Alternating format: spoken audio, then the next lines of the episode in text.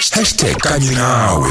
Khosi FM luhamba phambili kuyenzeka uyithola usugadla ugadla umuntu ongakwenzanga lutho eh usola umuntu ukuthi eh ugadlile waze wamhambela nawe wayenyangeni uthi uyiphindiselela ngoba phela ugadliwe.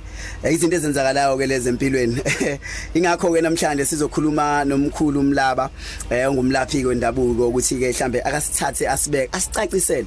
Eh mkhulu siyathokoza sakubingelela ukhoze FM Angibonga ithuba ngibingelela kuwena mfakazi wami ngibingelela kubala ilibonke eh uNkulunkulu sithembe ukuthi usasigcinile sonke siyabingelela. Sicela ubuza ukuthi eh ungubani umkhulu umlaba and utholakala kuphi? Eh umkhulumi laba ungumelaphi wendabuko otholakala lapha endaweni yasemntubatuba kwasomkhele indoda nje kaNkuluNkulu owayiphi inhlahla nelinyilanga yokuthi ikwazi ukubona imfihlakalo zabantu eh ezenzekalayo.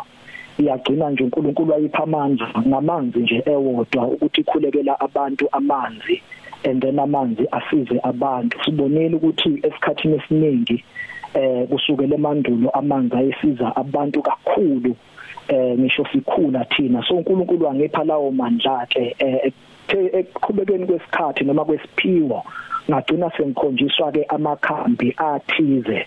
Ngagcine ke sengilapha nangokwesintu kodwa okukhulu kakhulu umkhulumi laba ungumprofeti kaNkuluNkulu aphinde alaphe futhi nangamakhambi esintu Umkhulumi laba namhlanje kwi feature yethu la ku Khosi FM kanye nawe eh besikhuluma ngokugadla.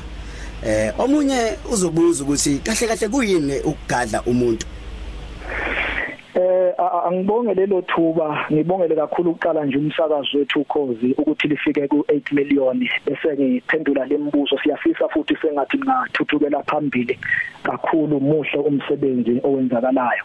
Eh ake ngiphendule lo mbuzo wokugadla ukugadla ila kukhona khona umuntu eh olwa nomunye umuntu noma enza izinto ezimbi komunye umuntu ngokuthi athumele imithi emibi noma imithi eyingozi. Kuhlukeneke ukugadla kukhona ukuthi ugadle umuntu ngenhloso yokuthi ufisa ukuthi into zakhe zingalungi. Kukhona futhi ukugadla ngenhloso yokuthi udinga umuntu umdinga kwezothando bese usebenzisa imithi ethize okuyiyona ethunyelwayo ukuze ikwazi ukuthi iyofinyelela kulowa muntu ishintshe noma iphendule inhliziyo yakhe nanoma kuthiwa inhliziyo yakhe ilikhuni kangakanani. Kodwa uma sekunezigadlo ezithize ezifike zamshaya lo muntu inhliziyo iye ithambe.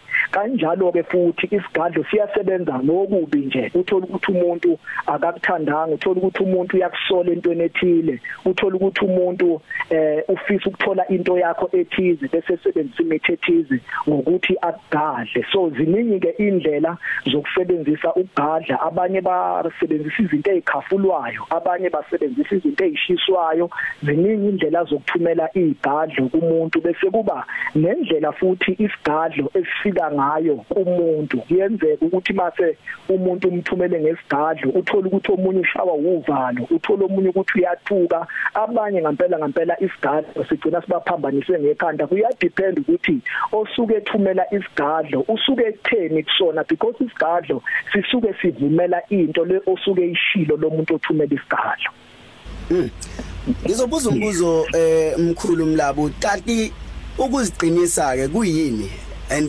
kwenziwa nini?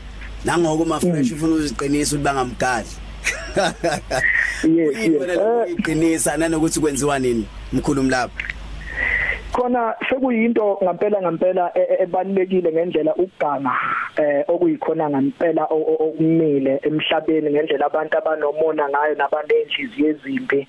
Nakhona eh bagcina abantu bephume beyoyiqinisa. Into into yokuqala engayisho endabeni yokuyiqinisa umuntu omelaphi wendabuko?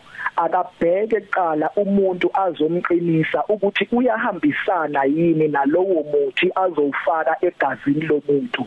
Kunabantu la mafresh abahamba baya kumuntu bayolashwa bayoqiniswa. Wathola ukuthi izinto zabo zavele zabhimba okugcina ngenxa yokuthi lo muntu unesiphiwo mhlambe esinjengesikaMkhulumi laba seyithunywa.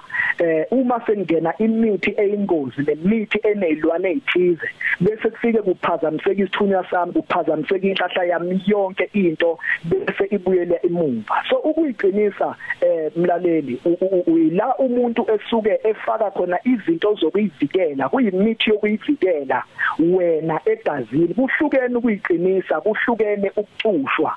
Uma uyiqinisa usuke nje ufaka imithi yokuthi uma umuntu egadla ekuthumela ngegadlo kodwa imithi le esuka ithunyelwa kuwe ifike ingasebenzi.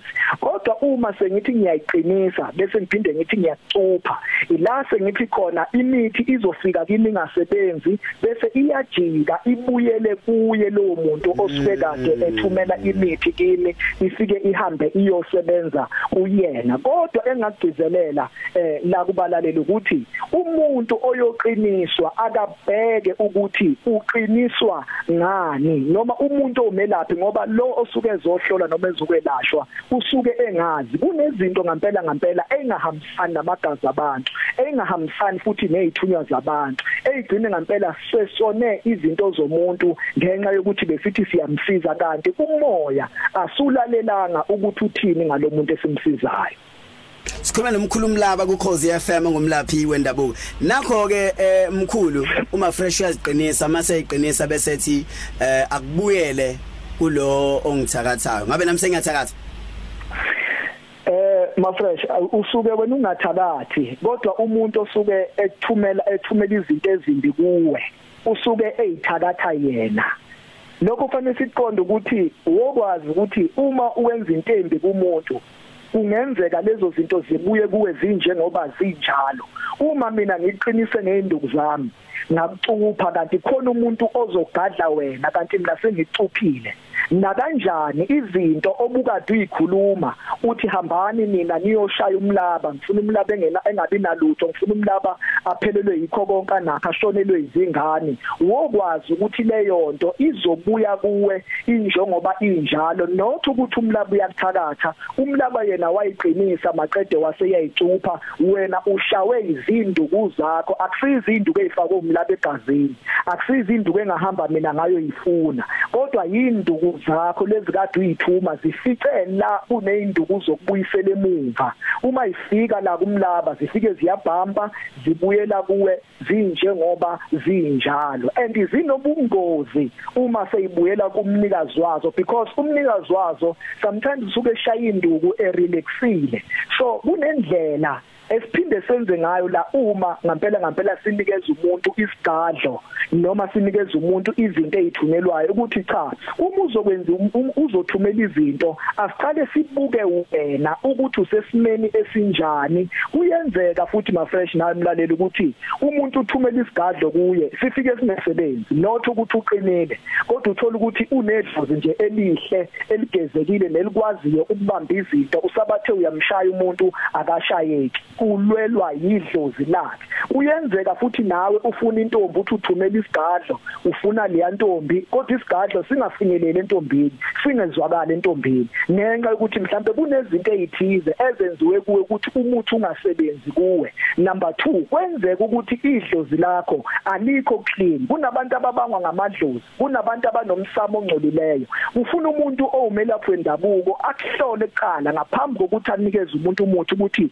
idlozi lakhe ngempela ngempela lizohambisana lizomlekelela yini? Because uma sithumela umuthi umuthi osuke sikunikeza wona subike emadlozini sibikele namadlozi alowo muntu esimnikeza umuthi ukuze akwazi ukumlekelela. Uma kungahambisani edlozi lakhe engathumela imithi aqede imali kodwa ukusizakala kungabibikho.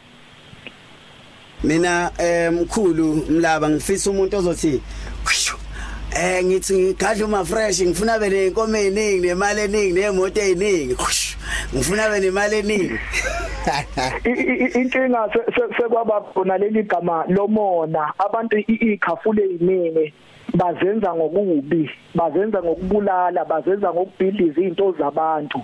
Nakhona lokhu eh, mafresh engikuvezayo ukuthi kuyenzeka igadlo eh kube khona igadlo nje zokuthi ngifuna intombi ethize. Kodwa thina ngokwesimanje noma thina njengabantu esikhulekayo nesineyithunya kakhulu nesiprofit sithi sithi kube kube ngcono ukuthi uma umuntu ezofuna umuntu oyintombi singamnikeza umuntu oyizigadla ezinto yabona masinikeze nje isuwasho esizogeza nje igama lakho ugezeke nje igazi kuwena. So sike senze into kuyiyona yona siyabonga mkhulu. Abantu bafisa ukuthi bakhulume nawe baxhumane nawe benza kanjani mkhulu? Eh inamba ikamkhulu mlaba eh engasithola kuzona ithi 063 702 1026 angiphinde 063 702 1026 eyesibili ithi 076 492 110 076 492 owana bathathu no 0 umkhulumi laba uyamthola lapha ya ku Facebook uthi nje mkhulumi laba buyaphilwa. Bese uphinde umthola lapha ya ku YouTube uthi nje mkhulumi laba uphinde umthole futhi ku Instagram uthi nje mkhulumi laba. Umkhulumi laba uzinze lapha ya endaweni yasemntuba tuba kwasomkhele aphinda asebenzele lapha eThekwini ngomhla ka4 nangomhla ka5 umkhulumi laba yobetholakala lapha ya eThekwini emlazi kwa Q kumdlebe road house number Q57 and then ngiphinde futhi ngidlulise ukuthi ngomhla ka16 December uyokuqhubeka kakhulu umsebenzi la umkhulumi labo bekhulekisa khona abantu zenzeke imanga kaNkuluNkulu. Siyabonga bamkhulumi la. #kanyinawe Khosi FM luhamba phambili.